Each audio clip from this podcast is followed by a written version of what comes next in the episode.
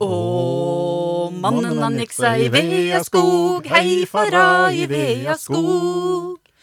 Da satt der ei kråke i lunden og gol, hei fara, falturil-turaltura. Og mannen han tenkte med sjølve seg, hei fara med sjølve seg. Skal tru om den kråka vil drepa meg, hei fara, falturil-turaltura. Og mannen han spente sin båge for kne, hei fara, sin båge for kne. Så skaut han den krokka så hodat ned, hei fara, falturil-turaltura. Så sette han føre dei fålane tolv, hei fara, dei fålane tolv. Så skøyde han krokka på låvegolv, hei fara, falturil-turaltura. Så flådde han kråka og lema hos hund, hei fara, han lema hos hund.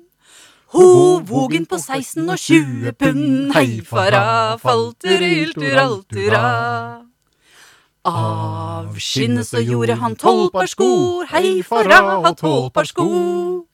Det beste paret det ga han til mor, hei fara, falturil-turaltura. Og kjøttet han salta i tunner og fat, hei fara, i tunner og fat. Og tunga den hadde han til jordemat, hei fara, falturil-turaltura. Av tarmene gjorde han tolpareip, reip, hei fara, tolpareip. reip.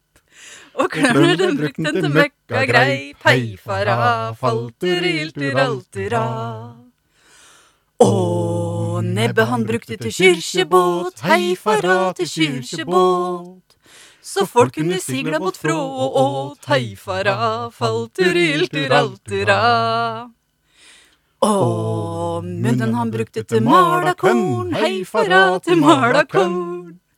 Og øyro han gjorde til tutarhorn, hei fara, falturil-turaltura.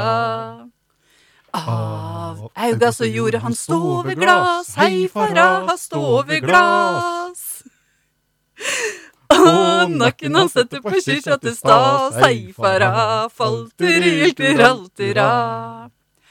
Og den som skinnkråka Vi klarte nesten. Og den som kråka kan nytta så, hei fara kan nytta så. Han er ikke verd ei kråke å få, hei fara, falturil-turaltura. Sann! Au!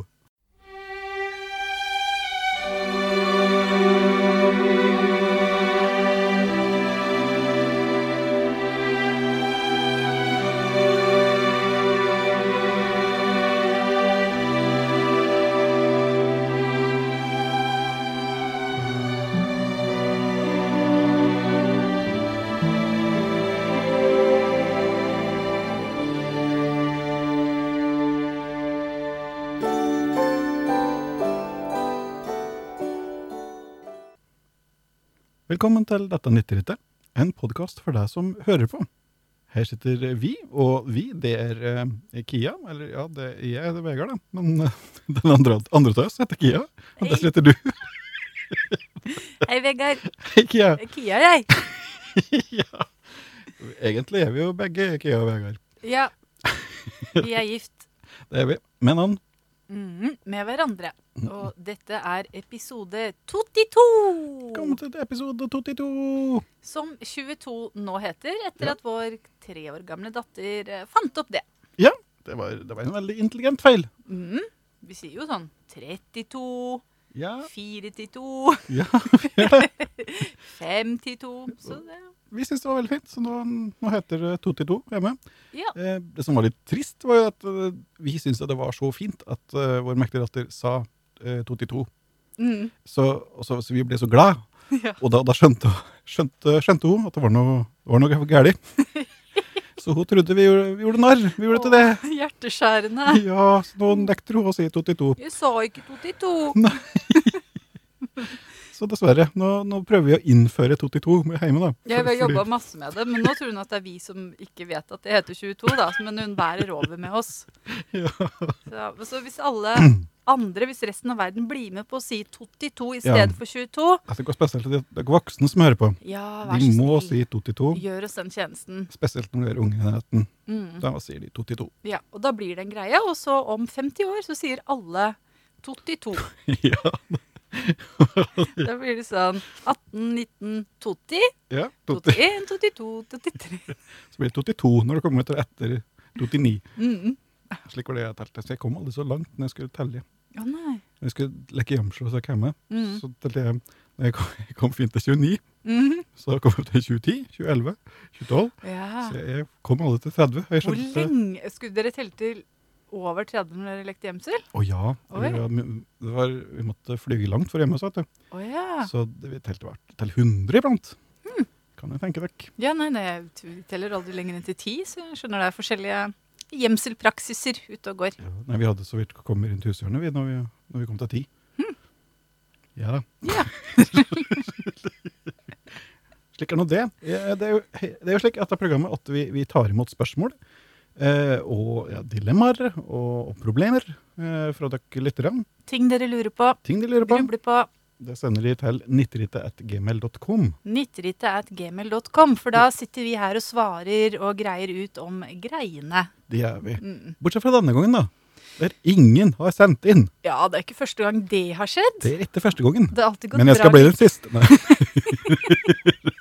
Det har jo alltid gått bra likevel. Ja da. Også sånn i siste liten så la jeg ut en, eh, en greie på Facebook-gruppa vår. Så hvis du Facebook-gruppa søker til dette nytterittet? Ja, dette 90-rittet går det inn i eh, meta-universet da, og, og skriver og søker på, så kan du trykke 'join' og bli med. Og der var det noen som hadde spørsmål likevel. Så det blir til at vi skal snakke litt om døkk Det blir litt døkk allikevel. likevel. Men så fint.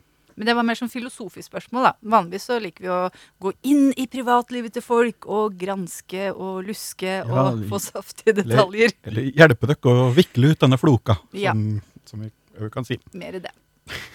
Mer det. Ikke fordi vi tror vi er noe, men fordi vi er ganske sånn Vi er sånn kloke og lune og vare mennesker som uh, har vært ute en vinternatt før. Ja. Som Det er slik passelig kloke, Ja, synes jeg vi er. og så er sånn alminnelige å prate med. Og Jeg er så alminnelig å prate med. Mhm. Så, så gi oss en sjanse, så er det noe du lurer på, så send, send inn. Ja, gjør det. Ellers så er vi ganske gode på å prate om livet og Odalen og slikt, eh, sånn helt for egen maskin også, da. Så Ja, da. Vi har noe å prate om ellers òg. Det er bare trivelig at uh, om de vil være med. vi blir innmari glade, og det er liksom det som er sjangeren for podkasten vår, da, at vi er en rådgivningspodkast. Ja, så, Så det er liksom, vi samskaper innholdet her. ja vi er vel sammen. Mm. Døkk altså, og vi, da. Mm. Døkk på den sida, vi bare. Og så kaster vi ball til noen. Det er aldri noen som har angra. Det er dette. Eller det veit vi ikke, men eh, vi har aldri Nei, hørt om noen, i hvert fall. Nei, nei, de fleste lar høre fra seg igjen. så det må være bra, en bra ting. Ja, men vi nevnte eh, Facebook-gruppa vår. Eh, vi er òg på Blue Sky, Mastodon og Instagram, eh, alle steder, med handelen at 90rittet. Og da som nevnt på dette 90rittet på Facebook. Mhm. Så vi kan, vi kan nås på mange flater, Det kan vi. arenaer, Mhm. Plattformer. fora. Ja. Eh, Så driver vi og samler opp til eh, hjemmestudio. Eller vi har kjøpt, da. Ja, nå prøver vi å dekke inn. Og da, i den forbindelse har vi et lite Vipps-glass som står borti kroken her. Og det er ingen som legger merke til om du legger noe oppi eller ikke. Så ikke noen forpliktelser. Nei da. Og nummeret du i så fall da vil bruke hvis du har lyst til å vippse oss en Kygo, en Flagstad eller et kumlokk, det er 81 34 59 Gitt noe bryderi. Ja, det var det hjemmestudio, da. Ja, Mm. det, det var det. Skal vi Vi, vi har litt Snakke om eh, hjemmestudio nytt. Eh, heimestudio nytt denne gangen òg. Ja, for vi har kjøpt dem, men vi bruker det ikke. Vi sitter nå i Radio Kongsvinger sine lokaler, og de er så snille og låner ut studio. Ja, Tusen takk, Radio Kongsvinger. Tusen takk, Radio Kongsvinger. Eh, for, for ja, vi er fremdeles i radiostudioet her. Det er jo det er fint på den måten at eh, alt fungerer eh, som det skal.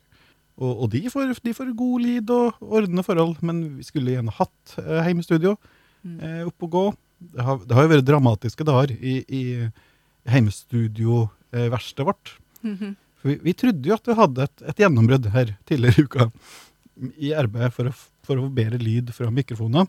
Det var da vi sammen med tålmodige, snille, stakkars lydgubbe in training. Vi har maila fram og tilbake, da. Ja, vi har det. Og vi trodde vi hadde kommet til et gjennombrudd bare for å bokstavelig talt sekunder seinere finne ut at eh, det er faktisk ikke noe lyd fra mikrofonen, og det har aldri vært det. Så de, de gangene vi mente å høre at det var bedre lyd, var de gangene vi tilfeldigvis satt nærmere laptopen. For det var bare den innbygde laptop-mikrofonen som fang opp, eh, fang opp lyd. Eh, Det var, det var Kia som gjorde den revolusjonerende oppdagelsen. Mhm. For du la merke til at om, når vi dunker på mikrofoner, Sånn. da var det ingen utslag. Det var laptopen som spilte inn hele tida. Var det Åh. Altså, vi har prøvd å rette opp i det, da, ved å endre overfor mikrofon som skal brukes inne på programmet som vi bruker til å spille inn, Audacity. Men det ser ikke ut til å hjelpe, så nå, nå begynner arbeidet helt på nytt. Det er jo da kjett og frustrerende og hermelig, men for å finne et lyspunkt i dette her, da, så har vi, har vi jo i denne prosessen lært en del om åssen uh, filtrere bort eh, støy og susing og fininnstille Mm. så bare vi nå får liv og lyd i mikrofonene, så skær, skær. det være en rimelig enkel sak å få god lyd til dere. Og igjen takk og ære til tålmodige, tålmodige, snille, positive lydgubbe in training. Eh, bek beklager alt bryderiet. Ja, vi har maila deg fælt, og du har svart så tålmodig, så takk for det. altså. tror jeg sendte ti bilder jeg, som vedlegg til forrige.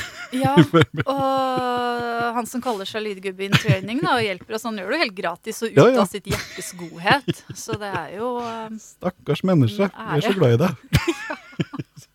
Men med din hjelp så håper og tror vi at vi skal få til dette til slutt. mm. Så hold ut, vær Ja. så snill. Du har vært veldig tålmodig. Bærest det siste stykket er veldig snill. Det hadde vært trivelig. Ja, hvis ikke så må vi bare ta kontakt med der vi kjøpte det fra. Og det Ja, Prat med Dan. Ah, Dan på Dans musikk. Han er sikkert hyggelig, han også, men eh, det er noe herk Det er noe herk, det er det. å drive ai, sånn. ai. Mm. Ja ja. Men, eh, ja. Du tok det ganske tungt. da. Du var litt sånn der, eh, du sliter jo med angst og depresjon. Det er jo en av, eh, et av hovedtemaene. Yeah, nei.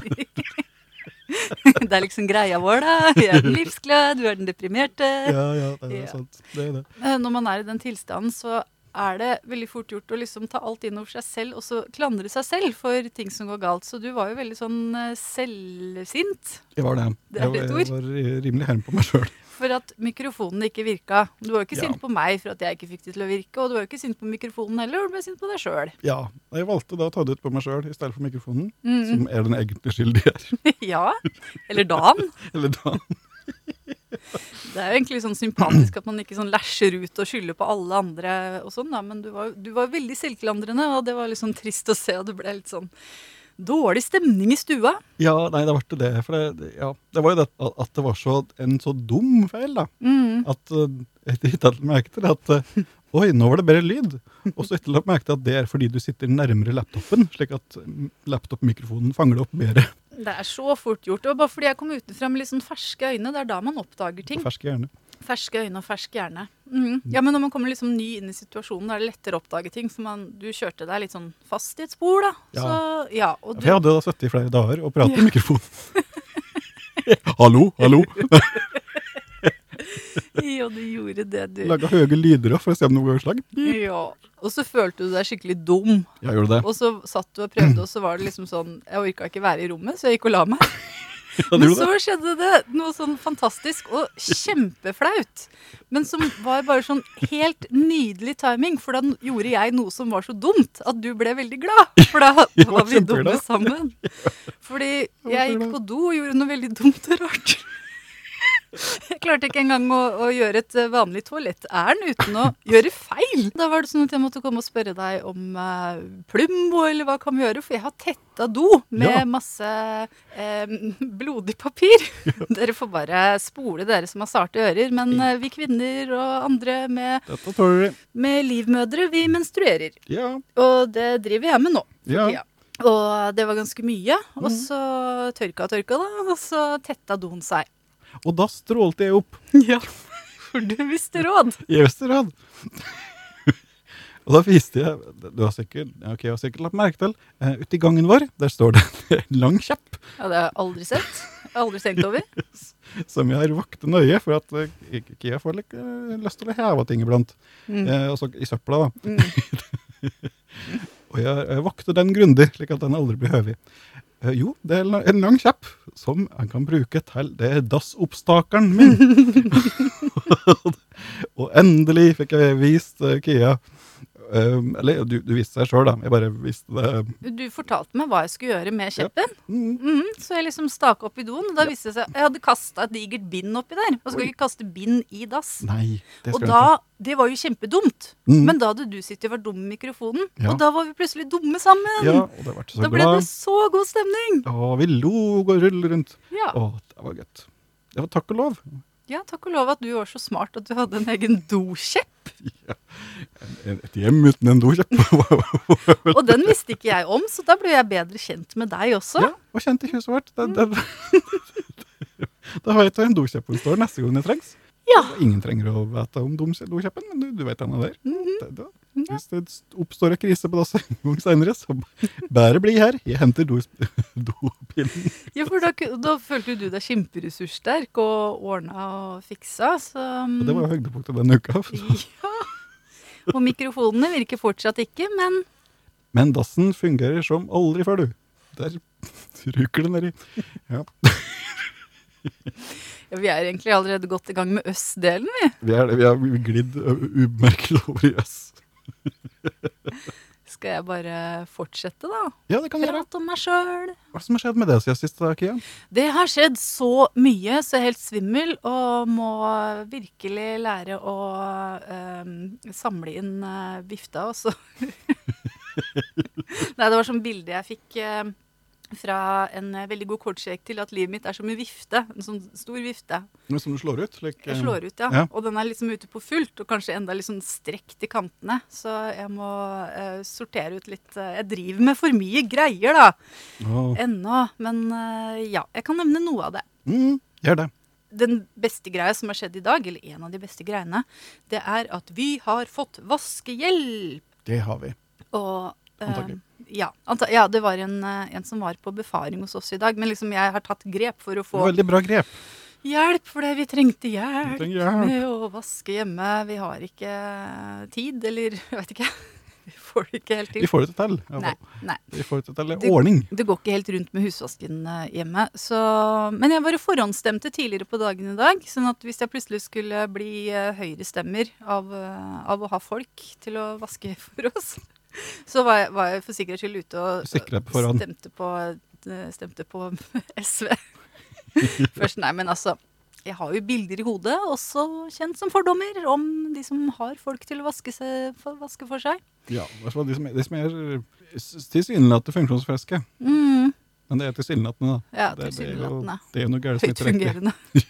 Men vi er altså ikke rike. Vi er bare veldig, veldig late. Nei, men vi er ikke late. Det bare blir for mye, så derfor har vi kontakta vaskebyrå. Ja. Og så var det Jeg fikk ikke sånn følelse av at det var noe klasseskille mellom uh, han som kom på befaring og meg. Egentlig sånn tvert imot. Og jeg Ja, sto på ja. Jeg sto liksom med lua i hånda når han kom. Jeg sto ute på trammen, faktisk. Ja, du gjorde det som en liten pangolin. Med henda foran. Samle så fint foran. Jo, du kan google pangolin hvis du lurer på hva Vegard mener med det. Altså, sånn så jeg ut, da. Og så med en gang han kom uh, ut og hilse, og så sa jeg 'Har du sett Hoarders?' Nei, sa han. For jeg hadde jo tenkt at han skulle si ja. Jeg hadde planlagt det, da, for da skulle jeg si ja, det er ikke så ille, altså. Og dermed som ta brodden av det. Ja. Men uh, så ble det sånn at jeg måtte forklare ham hva Hoarders er. Det er sånn reality-program med folk som samler og samler og er liksom eh, har samlemani, sånn at det bygger seg opp over veggene, og de samler på kattebæsj og alt mulig, og det er liksom helt forferdelig, og de trenger hjelp, og så får de det i det egentlig ganske fæle reality-programmet. Men han hadde ikke sett det, så måtte jeg forklare ham det, og så begynte han å fortelle nei, jeg ser ikke på TV, men bare ser på Netflix og sånn, da, så jeg får ikke med meg sånne ting, og så måtte ble det en samtale om det før vi kom i gang med å komme inn og se på huset. Herregud. Men eh, resten gikk bra, og han ga ikke synlig uttrykk for eh, vemmelse, og det var veldig profesjonelt av han. Det var veldig godt gjort, han. Ja. Nei, ja, dette, dette er så ille. Det. Det er ikke så Nei, ille, ikke det. men eh, det Han kunne, kunne sagt 'æsj', kom inn og sagt hysj, jeg slet ut i går. Da, da hadde han ikke fått noe oppdrag, for å si det lek. Nei. Og vi hadde blitt veldig lei oss. Ja, det hadde vi blitt Da da. hadde antagelig ikke vært noen sending i dag. Nei. Men ja. Nei, jeg ble ikke noe mer høyrestemmende av dette, da. Men Nei, eh, jeg var og stemte på meg sjøl i morges. Fordi jeg er faktisk lokalpolitiker i Sør-Odal. Ja, det var det. På en måte. Eller jeg står som nummer 16, eh, også kjent som listefyll for eh, Sosialistisk eh, Venstreparti. Ja. Jeg var overraska over at det sto på Sørdal-lista, og at du ikke uforvarende hadde ført det opp på Kongsvinger-lista. Ja, for det er sånn trakter til Kongsvinger. Ja, du egentlig tror du bor i Kongsvinger, Ja. bare i utkanten enda, men så er det på andre, andre sida av kommunegrensa. Ja, det- blir gledelig overrasket. overraske. Og jeg så det Neimen, men anerkjenner at du bor i Sørdal. Ja, jeg er mye i Kongsvinger og driver, altså litt for mye. Men det er fordi vi bor så nærme kommunegrensa. Jeg er så nær, vet du. Mm. Ja, jeg Og passe passe på det som skjer på andre sida av kommunegrensa òg. Ja, jeg skal bli litt mer uh, odøling, jeg. Men ikke kumuler meg hvis du hører på dette før, uh, før valget. For det, jeg har ikke tid til å sitte i kommunestyret. Og uh, veit ikke helt hva, hva slags saker vi driver med. Hva er vi interessert i her? Det er vel eh, skole og vindkraft og, og sånn. Jeg får alt som er bra, mot alt som er dårlig. Ja. Og giljotiner milliardærer. Ja. Det er kanskje ikke sånn offisiell SV-politikk. Da må man over på Rødt, tror jeg. ja. Mm. Så, så vi skal ikke ta oss tid til å begynne å drive med partipolitikk. Vi Eh, sånn, eh, som hovedbeskjeftigelse, i hvert fall. Men jeg fikk sånn veldig god følelse av å være odøling. Ja! Da jeg var på rådhuset på Skarnes, for det er der man forhåndsstemmer. Det var sånn der koselig lokalsamfunnsfølelse, for jeg kom ganske tidlig om morgenen. Og det hadde ikke åpna ennå. Jeg var der halv ni, og det åpna ni. Mm. Så sto jeg der, da, foran en stengt dør. Og så kom det en veldig snill dame, slapp meg inn kjøkkeninngangen, for de har sånn innmari sånn koselig koselig rådhuskafé, liksom, som folk kan komme og eh, De som ikke jobber på rådhuset også, kan komme og sitte der og kjøpe kjempegod mat og brus og kaffe og sånn. Så det må vi egentlig reklamere litt for. Ja. Kafé Odalia, eller noe sånt heter det. Odalia. ja. -hmm. ja, der kan alle som eh, bor i Odalen komme, og til og med dere andre som ikke gjør det. Ja, De kan komme inn der og kjøpe dere eh, god mat. det er innmari trivelig. Og så er det, liksom, så er det åpent inn til biblioteket. Så er det sånne båser man kan sitte i. Så jeg har faktisk sittet der og studert og sånn. Mm. Jeg studerte studert, for det her i Odalen. Ja, så Mm. Ja, men så slapp de meg inn, og jeg kunne sitte der og drikke kaffe og vente på at de satte ut stemmeurnene. Og så kom de og prata litt til, og vi var liksom odølinger sammen. Og Det var veldig fin lokalsamfunnsfølelse. Og så var de til og med så snille da uh, urna ble satt ut, da, og så minte de meg på at fylket fins. Det jeg skulle Ja. stemme, for jeg kom med bare én stemmeseddel. Og så, ja, hadde du bare tenkt å stemme i kommunevalget? Å nei, fylket er en ting. Så fikk jeg løpe tilbake til avlukket og hente fylkeslappen. Så da stemte jeg jo eh, på SV i Hedmark, som Ja, vi fremdeles holder på at det heter. Det var det du gjorde. Mm, Hedmark. og de forsikra meg om at det er helt normalt å glemme at fylket fins. Det er så mange som gjør det, sånn at jeg kunne føle meg normal og ikke dum og sånn, da. Så en god følelse av å være innbygger i Odalen i Hedmark. Så koselig. Ja Og så hadde jeg en annen ting i bakhodet da det stemte, og det er at uh, forrige torsdag så, så fikk jeg gleden av å intervjue, eller egentlig mer samtale med SVs Karin Andersen på Kvinnemuseet. Hun er jo en skikkelig nasjonalskatt av en politisk veteran. Så, så, sånne ting da vil jeg skyte inn i forbindelse med vaskehjelp og sånn. Sånne ting er jeg ganske flink til, selv om jeg ikke kan vaske. Så jeg skal ha litt, jeg henter voksenpoeng, voksenpoengene mine på, på der. At jeg kan stille opp og sånn, sitte og prate med en politiker og liksom få fram hennes eh, liv. Eller hennes liv som kvinnelig politiker var det som var hovedtema.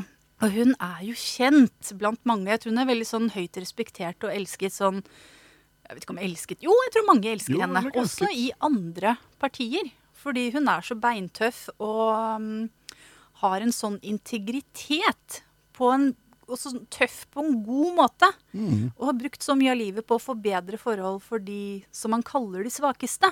Men hennes viktige poeng, eh, som hun fremfører ganske mange ganger tror jeg, i sånne sammenhenger, er at vi skal ikke kalle det de svakeste eller de svake. Vi kan kalle dem vanskeligstilte. De som ikke blir hørt, og som ikke får sakene sine fremma. For de folka som hun har jobbet for å få sakene fremfor, mange av dem er sterkere enn noen andre, og det må de være for å overleve.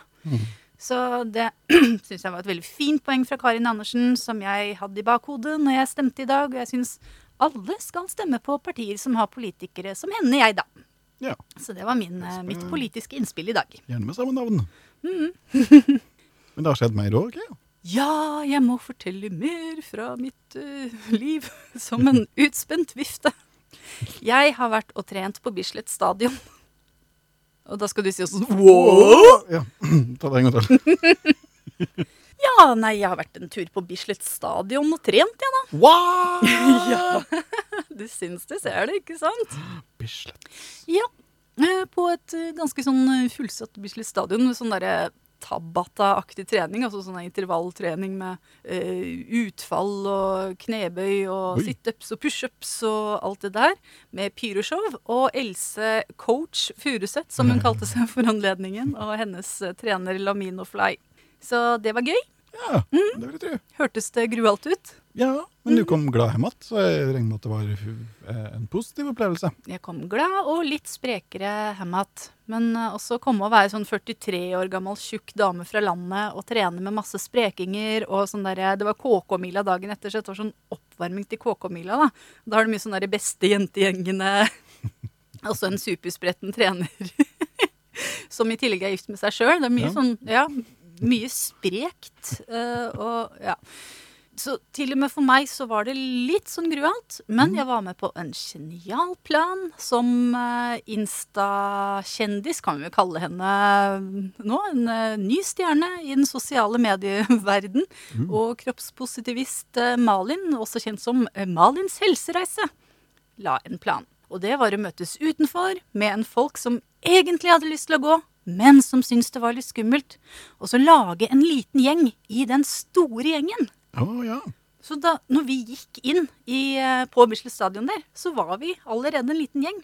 Vi hadde ikke møtt hverandre før alle sammen, men vi sto og gjenga oss sammen utenfor.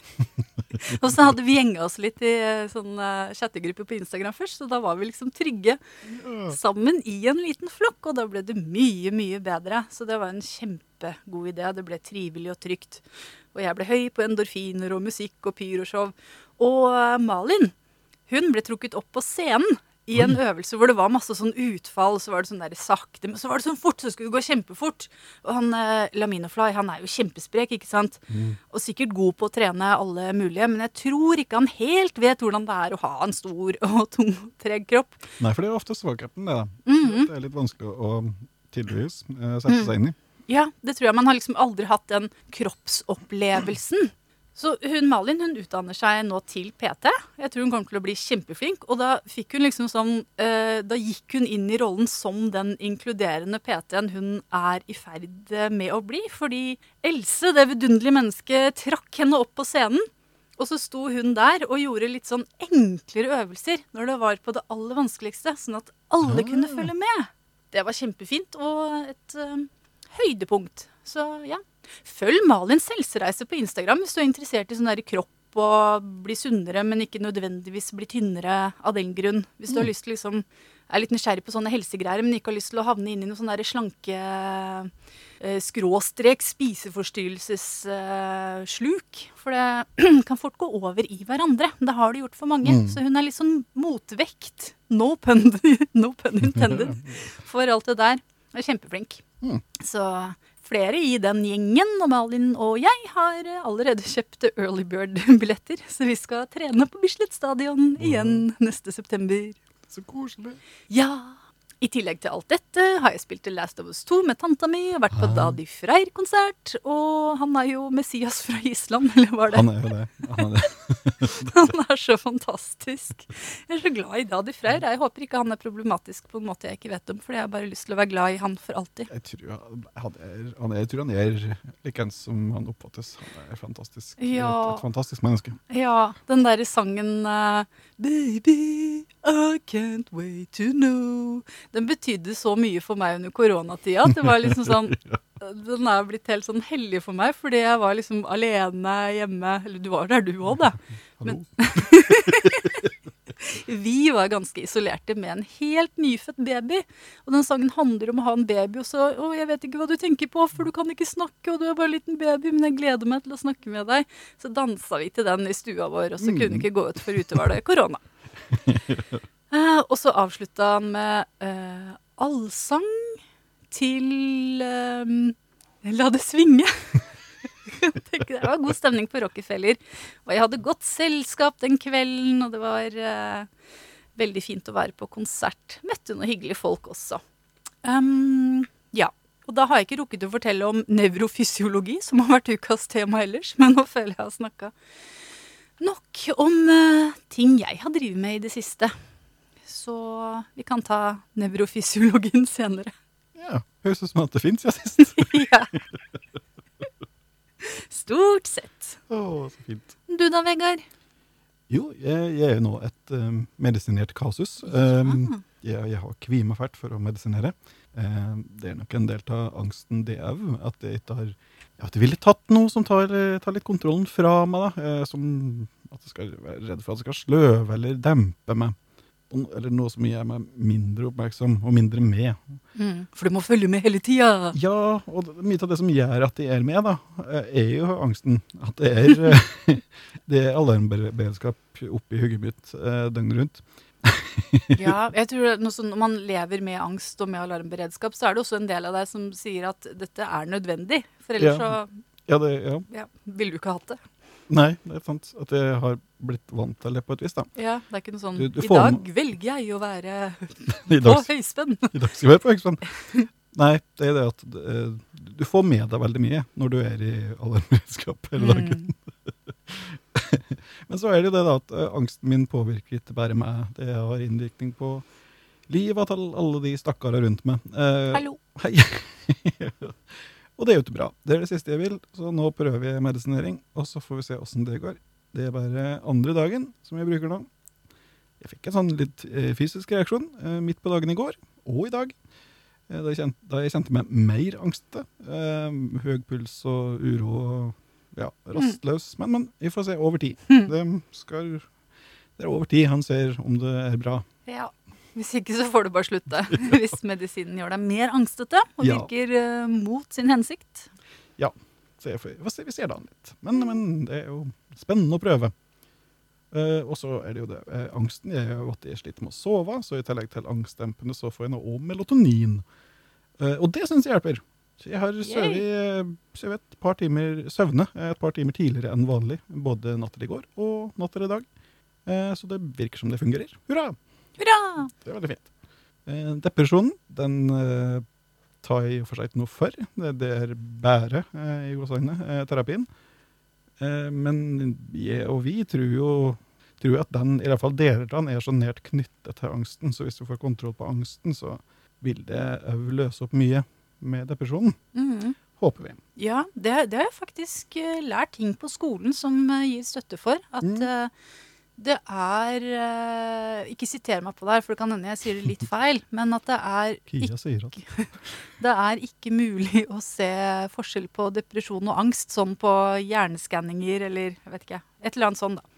Jeg tror jeg må komme tilbake til pensum og så ta det igjen. Men det var noe sånn. Det Mhm. henger så nært sammen at eh, det gir meg håp for at å behandle det ene også hjelper for det andre. Mm. Ja, ja, det tror jeg stemmer. Det vil jo kanskje vise seg. og så har jeg jo fått en, jeg har fått en kommunalt oppnevnt og tildelt kompis. Som, som kom på besøk. En terapihund? Ja, på to bein. Um, som kommer og skal hjelpe meg å gjøre like vanlige folketing. da. Gia har jeg jo møtt henne. Mhm. Og jeg syns eh, det er litt sånn rart og uvant, og jeg kjenner meg eksponert og vurdert og Ja, det er flaut og jævlig, da, eh, og trenger hjelp med å være folk. Eh, Men så kjenner jeg iallfall at, at jeg gjør noe for å bli bedre, Mm. og, og prøve å bli en så god versjon av deg sjøl som du kan være. Det er jo et verdig syssel i seg sjøl. Det er sant. Og det er, eh, det er også fint å bo i en kommune, Heia Søredal, Wow! som har et sånt psykiatrisk tilbud. Ja, Som eh, har liksom folk som jobber med å komme hjem til folk som har angst og depresjon i så stor grad at de trenger støtte for å komme seg ut og gjøre ting. Ja, visst er det det. Og, og jeg har jo egentlig vært veldig imponert over, over alt, alt det tilbudet du ikke vet er der mm -hmm. før du trenger det. Mm. I, i, i Sør-Ødalen. Mm. Litt eh, Odalsreklame der. Igjen. Ja. En god kommune å være mentalt sjuk i. En god kommune for fucka tapere. Eller og hvis du vil jobbe med mental helse, da, Ja, som jeg er håper veldig, på. veldig mange gode du, du, du, Jobb å få. Etter mangel på jobb. Ja, og så har jeg òg forhåndsstemt. Eh, Jeg er mensan, deltatt i demokrati og greier. Ja. Demokrati, mener jeg. jeg. Jeg fant meg ei liste for kommunen, ganske greit. Det er, eh, det er færre og færre jeg har hørt om på, på den listen. Ja, altså folk, Folk, ja. ikke partier. Nei, nei, nei, nei, de de fleste partier vet jeg om. Eh, Men folk, ja. Eh, Denne gangen så tror jeg kjente til sammen ti stykker. Og, og seks av dem var på lista for Senterpartiet. Det er for- Dette er jo en landbrukskommune. Men jeg stemte på den med Kia på allikevel, da. For det, Mm. du er jo snill og trivelig, så, så da, da kjentes det trygt å stemme på deg. Ja, det, det kan du trygt gjøre. Når jeg kommer inn i kommunestyret, så skal jeg begynne å snekre giljotin med en gang. Nei, det er bare sånn overført betydning. Mm. Ja, det er jo fint. For, ja. Ja, for en tenker jo liksom at, i hvert fall tradisjonelt, at eh, partipolitikk er det er ikke uviktig, men mindre viktig i, i, i kommunevalg enn det er i stortingsvalg. Mm. For kommunalt så må du jo fylle listene med, med alle som ikke finner ei god unnskyldning på stående fot for å stå der. Eh, og du verden så mye rart de fyller listene med. Det er, det er Oi, oi, oi. Dette er garantert folk de aldri prater med. Eh, det kan liksom være ja, du, du- passer det der. Passer deg der.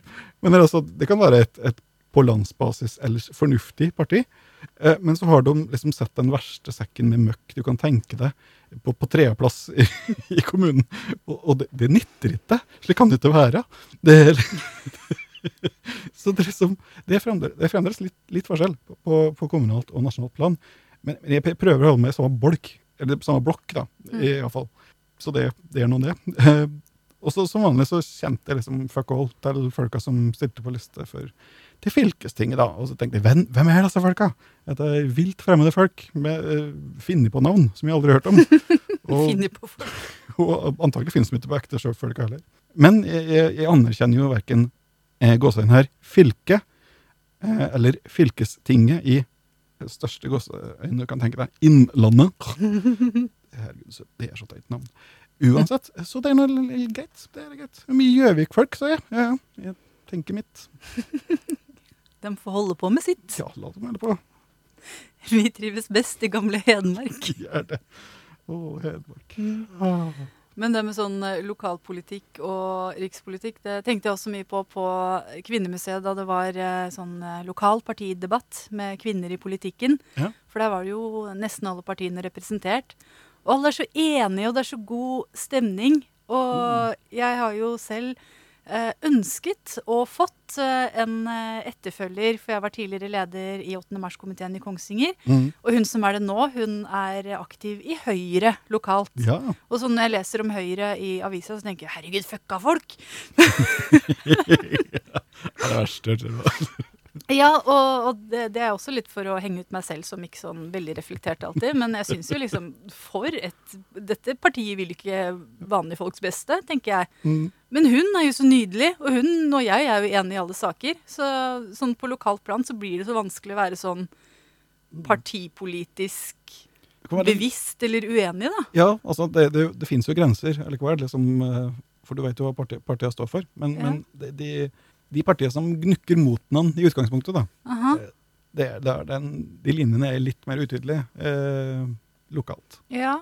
Ja, men eh, det, dette fantastiske mennesket som nå er leder av komiteen, hun er jo bare nydelig og liksom er enig i alle gode ting. Ja, Og, eh, og hennes uh, bestevenn som, De har virkelig funnet hverandre da, og adoptert hverandre inn i sine familier. Hun sitter i Rødt og er Ja. listet opp for Rødt i Ja. Kongsvinger. Så.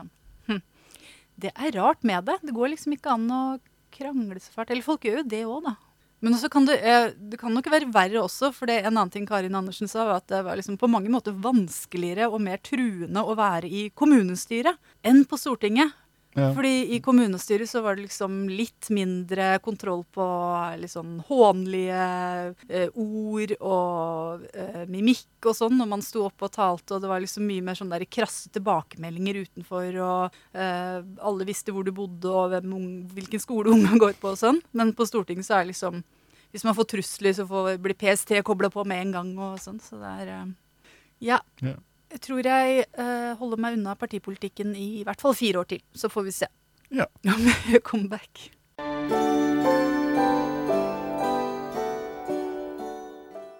Hva har du til oss i språkspalta i dag da, Vegard? Jo, det er tid for ny språkspalte og ny utarming av spalta for å prate om vagt tilgrensende ting. I dag skal vi prate om høsten som er i gang. Iallfall der vi bor. Eh, Og gjerne det i ei språkspalte, kan du si, med, med veldig god grunn. og, og jo, eh, nå skal du høre, eh, jeg rettferdiggjør å klemme inn dette her med grunngivninga at det er, det er lite som gjør meg, meg så bygdete odøling, så, så blankøgd, egentlig, egentlig poetisk, som høsten. Når jeg prater om høsten, så prater jeg direkte fra hjertet, som er et mye bedre taleorgan enn levra. Den er sur. Hjertet vart. Og da blir det ofte litt ekstra dialektete. Jeg, jeg blir, jeg blir eh, veldig odøling på høsten. Og da de som ikke er odølinger, sitter og hører på odøling slik, så ja, da blir det jo litt språkspalte. Allikevel, gjør det ikke det? Jo, Jo. det syns jeg. jo. For de av dere som eh, kanskje kjenner distrikta mest som begrep, og fra ulike sutreartikler i avisene, dette er sikkert alle tenker over det, eller ikke det daglige, men sjølve ordet høst, eh, det betyr noe. Det er det jo. Det er på høsten at vi høster. Vi høster inn avlinga, og det er tid med mye aktivitet i periferien, provinsen, distriktene, eller heime, som vi sier. Og folk har jo litt ulike tanker og ting de forbinder med høsten, alt etter hva og for erfaringer de har, og hvor de bor, og slike ting. Og det, det er kanskje fånyttes, da, men jeg skal, jeg skal prøve å formidle ei stemning, ei følelse, til dere allikevel. Så om de vil, så kan de bli med på en liten tur nå. Nå kan de sette dere nedpå litt, de som kan. Og kan de ikke sette dere akkurat nå, så bare stopp litt opp. Og så letter de igjen øynene, og så kan de late som de slapper av. Høsten. Mange syns høsten er mørk og trist og lang. Men høsten er mer. Høsten er fersk, rå luft på kveldingen. Høsten er lukta av jord, lukta av kønn. Høsten er noe ekte. Høsten er å stå i glaset og se lysa fra skurtesra gli over jordet i mørket. Det er brumminga fra tålmodige traktorer som venter på å bli lesset på. Det er traktor som drar kønnlassa i bedagelig skytteltrafikk fram og tilbake til garden. De arbeider fort, men de staner aldri. Høsten er den jamne, djupe duren fra kønnpressa attmed låven. Pressa som brummer fornøyd i vei natta gjennom. Og alt sammen, dette lyset og disse lyda i mørket, det gires noe fint. Noe til alle. Dette er høstinga av kønnene, som blir til mjøl, som blir til brød, blir til mat og blir til liv. For høsten er liv og håp. Høsten er å overleve. Høsten er da vi gjør opp fyr i den lågan som skal ta oss gjennom mørket. Og for de av som igjen har vinduet oppe på kvelden, så kommer alt dette inn på soverommet. Og der ligger jeg, som jeg har gjort siden jeg var liten valp. Der ligger lilla jag og hører på med tårer i øynene fordi det er så trygt og fint.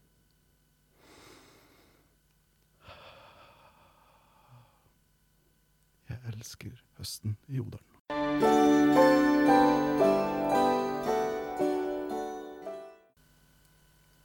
Da er det tid for Kias psykodramahjørne. Ja, da har vi kommet til eh, den spalta mi hvor jeg eh, forteller litt om eh, hva jeg driver med når jeg driver med det jeg driver med, som er psykodrama. Og det begynte jeg jo med forrige gang, og da fikk vi tilbakemelding på Blue Sky om at psykodrama fremsto som mindre Lilly Bendriss-aktig etter at jeg fortalte om det. Det er jeg veldig glad for, og det bør Lilly Bendriss også være, for vi har liksom ulike produkter i våre butikker. Ikke til forkleinelse for henne eller for meg, men det vi driver med er eh, ganske så forskjellig. Men jeg forstår jo koblinga, for det er jo sånn at psykodrama er mye brukt og kobla sammen med alternative miljøer. Det blir også mye brukt i kliniske miljøer, og jeg står kanskje litt sånn med et bein i hver leir når jeg driver med liksom, selvutvikling og terapi med psykodramametoden. Men det er liksom Det er alternativ, og så er det alternativ, mm. om du skjønner. Så det fins behandlinger som ikke er forskningsbasert, som gir god virkning uten at man helt vet hvorfor. Og her inngår jo også sånn EMDR, sånn derre øyebevegelsegreier, og andre behandlinger som er tatt inn i den kliniske varmen mange steder, men sånn er per definisjon kvasivitenskapelig, da. Så jeg har jo for min del kommet fram til at uh, ting godt kan være kvasivitenskapelig. Uh, bare det ikke utgir seg for å gjøre eller forklare mer enn det kan forklare, så lenge det ikke kommer med påstander om årsakssammenhenger og løfter om ting som det ikke kan holde, da. Så når jeg driver med psykodrama, så gjør jeg det nå for tiden mye samtalebasert, selv om liksom drømmen min på lang tid er å ha grupper igjen, at jeg, at jeg kan jobbe fysisk med grupper. Mm. Men eh, det jeg aldri gjør da, er å love å kurere noe som helst. Altså, jeg jobber jo ikke sånn med diagnoser og sånn klinisk. Men det jeg vil fortelle om at jeg kan gjøre, det er at jeg nesten kan garantere at du vil få nye perspektiver og en bevisstgjøring om egne ressurser gjennom sånn lek og utforskning og de teknikkene jeg bruker, da. Mm. Og så er det mange ganger sånn at man får enda mer ut av det, og endrer handlingsmønstre, og blir tryggere og gladere og tydeligere, og endrer relasjoner i en uh, positiv retning. Uh, og det er mange nok eksempler som jeg har sett på det til at jeg er trygg på metoden, selv om den ikke er liksom testet på en måte som gjør at man kan påstå noe om årsakssammenhengene. Det går for så vidt ikke an heller, for det, det forskningsdesignet tror jeg blir uh, ganske umulig. Men det er jo sånn at mange av elementene i psykodrama det kan man likevel anta har en virkning basert på psykologisk forskning gjort på sånne ting som lek og læring og kreativ aktivitet. Mm. Så her er det jeg for tiden leker meg med å være supersaklig doktorprofessor. og si at hjernens plastisitet det er noe vi kan benytte oss av når vi leker og øver og lager liksom nye veier helt sånn fysisk inni den der eh, klumpen vi har oppi nøtta vår, mm. som heter hjernen. Så derfor tar jeg eh, kognitiv nevrovitenskap som valgfritt emne i år. Ja. Hvor det er eh, mye anatomi, altså hjerneanatomi og biologi og sånn rent fysisk hva som skjer i hjernen så har det slått meg da at uh, når jeg tar dette som valgfritt emne Altså, jeg hadde jo ikke trengt å ta det for å få den graden jeg skal ha, eller uh, jobbe med det jeg skal jobbe med. Kanskje det er litt sånn overkompensasjon for alternativbåsen som jeg prøver ikke å havne helt i. Mm. For jeg har liksom vanlig kognitiv psykologi, utviklingspsykologi og andre psykologiemner. Det hadde kanskje holdt med det for at jeg skal jobbe med det jeg jobber med. Men nå føler jeg at det er egentlig kjempeinteressant, det er én ting. Mm. Og så får jeg en enda mer solid fot å stå på når jeg snakker om og jobber med endring. Da. For da kan jeg liksom koble sammen det med at vi driver med lek og utforskning og øver oss på å reagere på nye måter på gamle ting. Mm. Og så kan jeg vite at i hjernen, helt sånn fysisk, så kan man se det på en sånn eh, hjerneskanning, da. Så kan man se at det skjer en forskjell. Mm. Og da kan jeg vite litt mer om det. Så jeg er ganske Nyttig for deg òg. Mm -hmm. Så det var liksom en liten eh, forklaring i mitt psykodramahjørne i dag eh, på hvordan jeg tenker og hva jeg driver og leker meg med og lærer om for tida. Mm. Men som når jeg, når jeg, driver og snakker om sånn uh, alternativ, ikke-alternativ og forskningsbasert og sånn, Så har jeg jo nevnt før at jeg har hatt noen timer med en coach som heter Siri Embla, som jobber mer spirituelt i det siste. Og det meste av det har vært vanlig samtale, sånn intervju som har bevisstgjort meg på mine mønstre og hvordan jeg snakker om ting og hvordan jeg tenker om ting. Men det var faktisk helt magisk forløsende, og det nevnte jeg forrige gang om, men jeg må bare si igjen, at hun la tarotkort for meg. Det var en opplevelse jeg ikke ville ha vært foruten. Mm. Ja. Men eh, det kan vi jo ikke si noe årsakssammenheng om. Jeg kan jo ikke si at uh, tarotkortet virker, fordi det har jeg opplevd. Nei. Men det var en nydelig opplevelse. Ja. Og, og det var virkelig givende, og lærte meg mye om meg selv. Så ja. Sånn med livet og sånn med hjernen, så kan vi liksom ikke peke på akkurat hvor grensa går, men det gjelder å i hvert fall holde seg veldig årvåken når man opererer i uansett hvilket landskap eller hvilken retning man tilhører mest, da. Eller hvis man driver og går litt slalåm mellom de. Men jeg driver i hvert fall, føler jeg at jeg driver og lander i et landskap hvor jeg kan drive med en metode som har plass til veldig mange perspektiver. Mm. Og så, fordi jeg jobber med, så har ikke det nødvendigvis så mye å si så lenge de føler seg styrket. Men det er viktig for meg også å si at jeg har eh, en god faglig basis med det jeg driver med. Mm. Ja, du, står, du står støtt i begge leirer. Mm, ja, eller liksom ja. det- Du står, du står, mer, står større i den vitenskapelige, men ja, du har en fot i det andre òg. Jeg velter ikke over ende i eh, noen retning. Men det tenker jeg så For det Lilly Bendriss driver med, det står hun sikkert også støtt i. Men Ja. det er noe annet. så hun snakker med spøkelser som liksom i hennes eh, virkelighet fins. Mm. Mm. Og hos meg så kan du snakke med spøkelsene i hodet ditt uten at vi trenger å påstå at de fins sånn helt eh, fysisk reelt på ordentlig. Ja, det er forskjellen. Ja. Det blir veldig forskjellige De måter, som, da. de som lurte på den faktiske forskjellen, de, de, de fikk den nå. Ja. Så det var det jeg ville si i Kias psykodramahjørne i dag. Da har vi kommet til Duck-delen av programmet, og det er her vi prater om og greier ut og gir råd til dere som sender inn ting dere lurer på til nitteritte.gmail.com. Nitteritte.gmail.com. Og det er det ingen som har gjort. Og vi har jo også drømmespalta I natt jeg drømte. For det, det har vi funnet ut er en skikkelig god greie, som dere også er veldig med på. Takk Ja. for det. Bortsett fra at eh, vi har bare fått inn én drøm, og den har jeg klart å rote bort. Ah, Så du som sendte inn den, kan du sende på nytt. Er du grei? drøm en gang til. Ja. Eh, fordi det er viktig med drømmer. Ofte så er det sånn at man har lyst til å prate om dem, men så er det sånn at eh, folk rundt ikke alltid er så interessert i å høre på. Og det er da vi er her for deg. Da, der springer vi inn i, på banen. Mm. Vi fikk heller ingen e-post eh, med folk som lurte på råd i dag, men det var noen på Facebook-gruppa vår Ja. som heter Dette nitterittet, som du kan bli med og joine hvis du vil. Som, eh, som hadde et lite forslag til noe vi kunne snakke om, da. ja, så koselig. Ja, og hun skriver da. En litt filosofisk en er jo hvordan dette nitteritteliterne ser for seg å kartlegge eller få et inntrykk av potensiell partners verdier på første date. Eventuelt fortelle hvordan det var under første møte med nåværende mann, konemor, bestehalvdel, kjæreste. Hvordan, slikt, eh, hvordan kom slikt frem? Og hva var det som gjorde at vedkommende tenkte at dette er et godt menneske og noe å bygge en relasjon på? Hmm. Ja, Ja, her kan vi jo bare ta utgangspunkt eh, i oss eh, selv. ja, vi får begynne med de som er til seers. Ja, og, og vi er jo heldigvis gift med hverandre. Det er vi. Takk og lov. Oi, oi, oi. Gudskjelov at det ikke er noen andre. Jeg skal jo være glad for noen og mer. ja, alle andre òg. Nei, men eh, ja, hva tenker du? Hvordan, eh, hvordan kartla du eh, mine verdier da jeg var din potensielle partner? Ja, det, blir, det er jo over tid, da.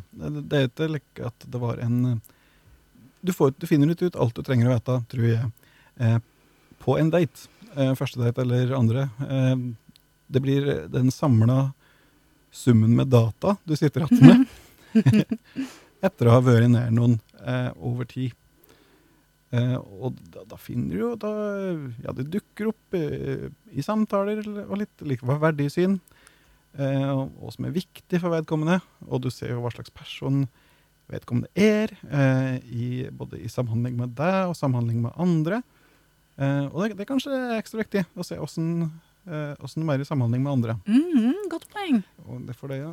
Eh, han kan jo være helt forskjellig. Hvis eh, noen er liksom diametralt motsatt eh, oppførsel eh, med deg enn med andre, og den, eh, slik du må mot Ari, ikke er noe særlig, eh, så, så, så kan det jo være den, en, et, et rødt flagg, som vi kanskje kaller det. da.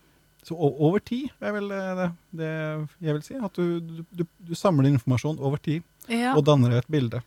Og Ja. det, bildet du det bildet du danner stemmer aldri helt, men det stemmer bedre hvis du samler over tid. ja, ja. Hvis du tar, skal gjøre et, en, en personlighetsvurdering, ta et, en date. Ja, For man kan jo ha vært gift i 15 år og så ikke vite at uh, mannen din har en dostav, f.eks. Man finner alltid ut mer og mer, og, og folk endrer seg jo også over tid. Ja. Um, Ja, det er mye stuttere dostav jeg, ja, det var veldig lurt det der med å se hvordan de behandler andre. Jeg tenker sånn eh, klassisk eksempel på restaurant, da, hvis de er sånn kjipe mot folk i serviceyrker og sånn. Det er um, mm, Veldig, mm, veldig viktig, Mm. eh, vil jeg si- mm. Legg merke til slike ting. Det er noen som ikke emner å oppføre seg eh, blant, overfor eh, ja, i folk i serviceyrker. Mm. Eh, veldig stort rødt flagg, oi, oi, oi. Det Mm. viftes med røde flagg og bannere. Og hvis de bare har kjipe ekser Mm. Hvis, alle, alle eksene, hvis alle eksene er klin gærne, alle sammen, oi. Ja, Da er det kanskje noe ute og går. Uh, hvis de har liksom sånn eh, barn som eh, de deler omsorg for eller ikke har omsorg for eh, med tidligere partner, og det bare er partner sin skyld og stakkars dem og, og sånn. Det er litt sånn Det kan jo være en tragisk og helt uforskyldt sak, men sånn oddsen er god for at eh, historien er mer enn du får høre. ja det skal, være- man skal i hvert fall være litt ekstra på vakt da. Mm. Hvis det er noen som har, har et dårlig forhold til alle eksa sine, Ja. så eh, da, da, da, vil jeg anbefale å undersøke litt mer. Ja, og hvis de har et dårlig forhold til barna sine, eller ikke har det forhold til barna som de ønsker, og de bare eh, snakker om det på en måte som at de er helt uten skyld i det, Mm. litt grunn til å være på vakt. Eller Ja. stor grunn til å være på vakt. Kan være uforskyldt, Kan være. oftest ikke. Ja. Ofte ikke. ofte ikke. Ja. Og så tenker jeg hvis det er litt sånn sånn Å, de er egentlig gode og snille, men de liker jo å fortelle vitser med n-ordet, men de mener ikke noe med det. Um, det ville jeg personlig styrt unna. Det ville vært liksom Mm. en deal-breaker for meg, selv om det liksom var sånn i At de var liksom i eh, Hadde den personligheten, da. At jeg bare tuller med det, og jeg syns alle er like mye verdt, men jeg tuller med sånn Jeg tuller med minoriteter, og jeg tuller med kvinner på kjøkkenet og sånn. Det ligger liksom Det ligger verdier bak den humoren vi har. Mm. En, en sånn uvilje mot å, mot å eh, korrigere seg sjøl, selv, sjølkorrigering, Mm. er, er, er jo en viktig egenskap å ha. Og de som ikke evner å tilpasse seg i hele tatt, aldri gi eh, Det handler ikke så mye om å ikke være deg sjøl, men å, å ikke gi rom til andre, eller Mm. andres tolkninger. Det er, er noe man skal være litt på vakt for. Ja, for da kan det være et tegn på at det kan bli litt lite rom for deg og, og din virkelighet i et eventuelt gjentosomhet, I en tosomhet, da, eller et Ja. partnerskap.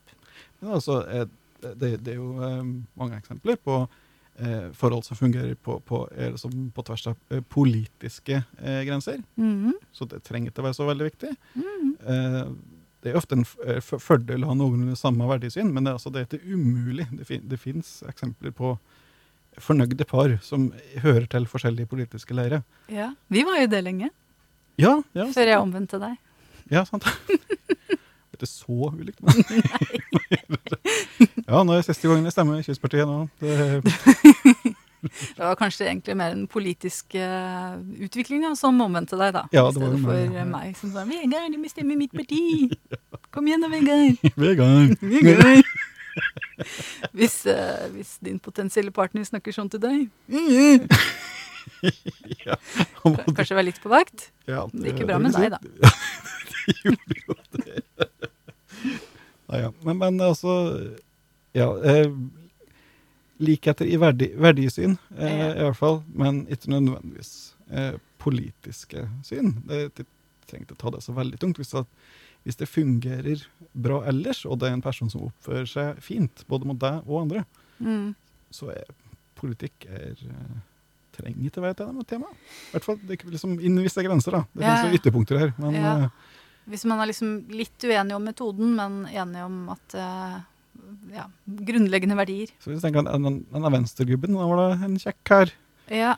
så, så er det greit, det. Men hvis, altså, hvis dere begge er rasister og er enige om at det er skikkelig bra å være rasist, da bør dere uansett ikke bli sammen. Nei, men det kommer kanskje til å passe greit sammen, da. Så det, hvis det er det som er målet, så ja. Ja. Og så er det fint å få samla dem alle på én plass. da. Mm. Det blir bare oversiktlig og greit. Mm. ja, det er sant. Mm. Men eh, Altså uttalte rasister, da. For alle er egentlig rasister. For det er sånn eh, Hva heter det? Mye internalisert i kulturen. Så hvis man er litt sånn eh, det, det, det faller jeg for, at folk er litt sånn der åpne og vare for, eh, for at man kan bære på seg mye som, som godt kan lukes bort. det handler om å, å være oppmerksom på det sjøl. Mm. Mm. Mm. Ja, så ja, dette er jo selvfølgelig basert på vårt verdisyn, men det er jo det vi syns er det beste, tross alt. Mm. Rasisme, ja. Nei.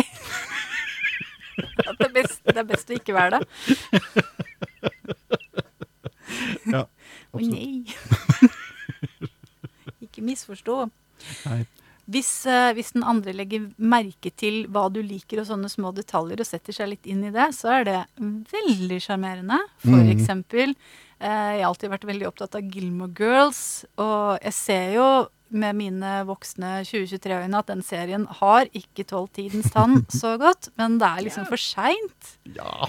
Sånn stemningsmessig og historiefortellingsmessig så er den veldig bra på mange måter ennå. Liksom sånn små quirky situasjoner hele tiden, og, og mye lunt og morsomt, og, og høsten og ja. Ja. Jeg, jeg, liksom. Jeg begynte å se på Gilmore Girls før vi liksom offisielt var hoppes. Det la jeg merke til. Mm, gjorde det. Du så på Gimma Girls fordi du visste at jeg så på det. Mm. Det tok jeg som et kjempekompliment. Jeg så på TV Norge. Mm. Gikk på TV Norge. Vi daterer oss selv. Så på lineær-TV. Ja, og måtte vente til det kom, kom på skjermen. Det syns jeg var veldig fint at du så på Gilmore Girls. For det. Da jeg var 20, så bestemte jeg meg for å eh, basere personligheten min på Lorla Gilmore. Eh, og det er jo et valg jeg til tider angrer på. Men eh, det, det er litt for seint. Og så er det det med å liksom klare å justere seg, luke bort litt uheldige ting med seg sjøl. Ja. Altså, Og, og Kia plukker opp at, at jeg var historieinteressert eh, ganske tidlig. Og har gitt meg mange Hitler-bøker opp gjennom åra. ja.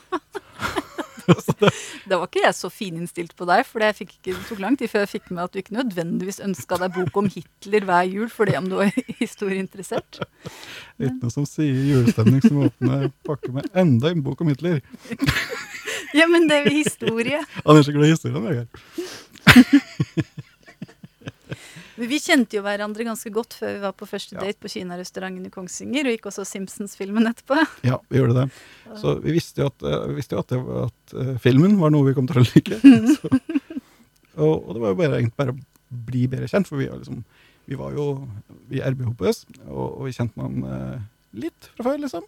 Ja, Gjennom jobb. ja du, Vi sendte hverandre mailer på jobb, Ja. og, og du var så morsom at jeg holdt på å dø. Eh, og du liksom du, altså med, du siterte Monty Python på latin, og var liksom bare så Mange rar. røde flagger. Så rar og morsom. Jeg tenkte det er liksom ikke noen andre mennesker i verden som passer bedre sammen med oss to. Og jeg var så hemmelig forelska i deg at jeg holdt på å dø. Og min plan faktisk var å uh, slutte jobben. Fordi jeg tenkte jeg kan ikke gå og være så forelska i en kollega. Eh, det blir jo Det blir jo metoo. Jeg tror jeg, jeg ja. Den gangen jeg uh, kjørte hodet mitt inn i magen din og mor som er katte, når Ja. vi bare var kolleger. For eksempel, det var en av de gangene jeg ikke helt klarte å holde tilbake det. Det var jo liksom i en sammenheng av et hyggelig øyeblikk, og du sto ved siden av meg og klappa meg på hodet, liksom. Så det var ikke sånn at jeg bare kom bort til deg på kontoret og plassen din og gjorde det. Men det var litt rart, eller? Det var litt rart. Det var det. Mm. Det, det var ikke bare enkelt å forstå. Men det, eh, det var jo trivelig. Eh, Jeg tenkte, dette var jo veldig rart, jeg tenkte jeg der og da. Så jeg tenkte, jeg tenkte jo, kanskje denne, denne her ikke er helt riktig. Og det visste jeg at stemte, men på en bra måte.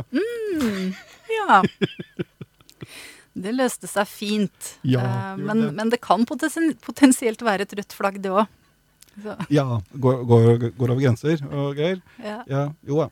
Ja, men, men eh, det som var i forkant, som du nevnte, at vi, at vi finner ut litt om humor og slik. Hva, hva syns du er artig? Og, Mm. for det, noe av det viktigste er jo å trives sammen. Det er litt viktig at humoren er på bølgelengde, for jeg tror det sier mye om liksom, hvordan du er, og hva slags verdier du har også. Hva som Mm. er eh, morsomt. Og, Ja, det er sant. Finner det samme tingen artig. mm. Det er sant. og så er det vanskelig å være ordentlig morsom uten å være ordentlig smart. Så det er liksom, og det heng, hang veldig sammen for meg, og jeg tenner på store, sexy hunkehjerner.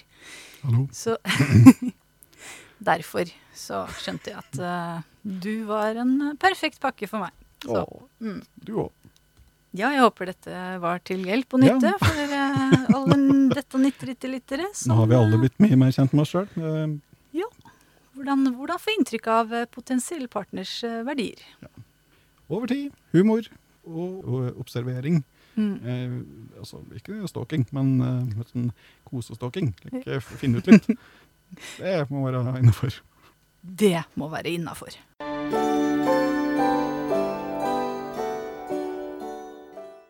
Det er snart tid for å sæla på, Det er det. Men først så skal vi innom den spalta hvor vi snakker om noe som gjør verden bedre. Ja. Og da snakker vi om noe som gjør vår verden bedre, i håp og tro om at eh, det samme kan hjelpe deg å gjøre din verden bedre. Og så, eh, hvis jeg går først, da, så ser jeg i notatene her i vårt eh, felles Google-dokument at du har vært innom å skrive litt hva som gjør min verden bedre. Så skal jeg bare lese det først. Mystiske kjepper som står i gangen uten at vi helt vet hvorfor. Helt til doen blir tett en kveld, og mannen din forteller at dette er den fantastiske dasspinnen hans. Jo. Sant? Jeg vet ikke hvor uh, allmenngyldig det er, men eh, det, En bra dasspinne, den kan vi alle ha bruk for iblant. det jeg egentlig hadde tenkt å si, da Ja. det, var, det, er ikke noe, det kan være noe som gjør verden verre på en måte på, i et sånn klimaperspektiv. Ja. Men hear me out. Det å sette på vaskemaskinen en runde til fordi du har glemt å ta ut klærne, og så har de ligget og blitt sånn ugne, Mm. og så setter du på hele vasken en runde til før du tørker det. Det er ikke bra for klimaet. Men hvis du klarer å gjøre det uten å tenke 'uff a meg, og det var dumt', men du bare gjør det, og ikke tenker mer over det, det er veldig bra for den mentale helsa, og gjør verden bedre også. Det gir positive ringvirkninger, for klærne er allerede blitt ugne, så ikke klandre deg selv for sånne småting. Nei, bare sett den i gang igjen. Mm. Tar du neste gang. Bare gjør det. Ja. Det var min ting. Det jeg har tenkt på denne uka, det er eh, gjensyn med Jurassic Park. Eh, for vi kom jo på at, eh, at det er jo lenge siden vi har sett Jurassic Park, og det, nå er det jo 1000 filmer. Eh, så de må vi se om igjen, og se om, om det har holdt seg. Så vi så N-eren og, det toeren nå forrige, uke. Og det, det, det er mye som har holdt seg. Det, det var veldig, veldig fine dinosauruser. Ja, de var veldig fine, altså. Det var jo dokumentar. Det var jo det var, Jeg syns de, eh, det var litt merket at det var noe Dette er animert, tenkte jeg. Dette er ordentlig dinosaurus, tenkte jeg flere ganger. Eh, og det var fint. Det er jo filmer der dinosaurus er hovedrollen, egentlig. Mm. Eh, folka er, er i beste fall bifigurer eller statister. I hvert fall T-rexene og velociraptorene. Ja, eh, de er det. Og, og det er spennende. Det var spennende da. Det var mye hoiing eh, og flyging. Ja. Men det var spennende. Eh, en ting som ikke holdt seg så godt, eller som jeg ble litt overraska over, det var eh, Jeff Goldblum, eh, altså dr. Malcolm i Jurassic Park, som eh, jeg tenkte ja, dette, dette har jo ikke hørt så bra, for eh, jeg tenkte å, han er tøff og kul, tenkte jeg når jeg så det, når jeg, Ja. når jeg så det opprinnelig. Eh, når jeg var 13-14. Eh, nå er han litt sånn Nå syns jeg han virker litt sånn avtal, og, og ja, jeg vet, faktisk litt sånn creepy. I hvert fall i eneren. ja, I toeren har han kommet seg betraktelig. han har det, altså. Men, men ja, i eneren. Han var litt sånn en Er dette helt greit, da? Tenkte, jeg ofte. Ja, for den scenen For jeg så Jurassic Park når jeg var jeg vet ikke, 12-13-14. Mm. Uh, og jeg husker jo Jeff Goldblum som eh, kjekk, og at den scenen hvor han heller sånn vanndråpe på hånda til Laura Dern, at det var liksom en slags eh, portal inn i puberteten. Hvis ikke Dale Cooper allerede hadde åpna den for meg. Ja, sammen med uh, Titti Suru. Mm -hmm. uh, men uh, nå er ikke fullt så attraktiv. Nei, det er litt sånn Ei, det var slutt den. Ja, skal vi Skal du heller på slekta? Er det ingen som skal si noe? Men alt i alt, altså. Ja, det var en film, filmopplevelse. Jurassic Park eh, gjør eh, verden bedre. Det gjør det, ja. Så nå har vi sett én og to, og kanskje vi får se tre i kveld. Og kanskje vi tar eh, en annen dag. Kanskje vi ser eh, fire, fem, sju, åtte, ti. Hvis vi ser deg på nå, vi har barnevakt, så rekker vi å se tre og fire i kveld. Mm. Da gjør vi det. Grandis i fryseren. Grandis i fryseren. Ja, men da sæla vi på, vi. Ja, da gjør vi det. Så blir det litt artig i kveld, da. Tusen takk for at uh, du har hørt på. Tusen takk skal du ha. Det ble mye øss i dag. Ble veldig mye, øss, Men de får skylde deg sjøl. Vi får sende inn, da, vet du. Send en e-post til nitterittet.gmail.com. Ja, ikke bare sitter og klager. Send inn. Ingen som har klaga, Vegard. Bare huet ditt. Det er det. Angstfylte deppehuet ditt. Som vi alle er så glad i. Åh, jeg er glad i dere. Husk da at eh, de kan eh, vippse oss litt. Jeg syns vi fortjener en liten skjerv. Det er eh, vips nummer 81 34 59. 81 34 59, men ikke noe bridderi. Ikke noe bridderi. Da høres vi igjen, så får du ha det riktig så bra så lenge. Og har du det ikke helt bra, så veit du hvem du skal skrive til. Yes, yes, yes. God kos! God kos. Vi er glad i dere.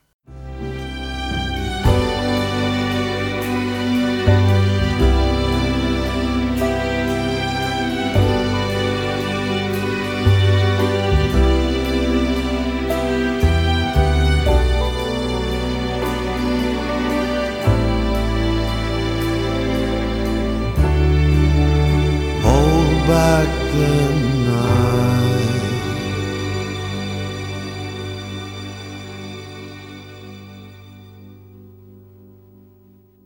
Pling!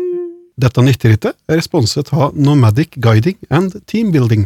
Og hvis du går inn på nomadicguiding.no, kan du lese om Mark Lambert, som har drevet som raftinginstruktør, hundesledekjører, villmarksguide og cowboy i USA før han kom hit til Odalen og omegn.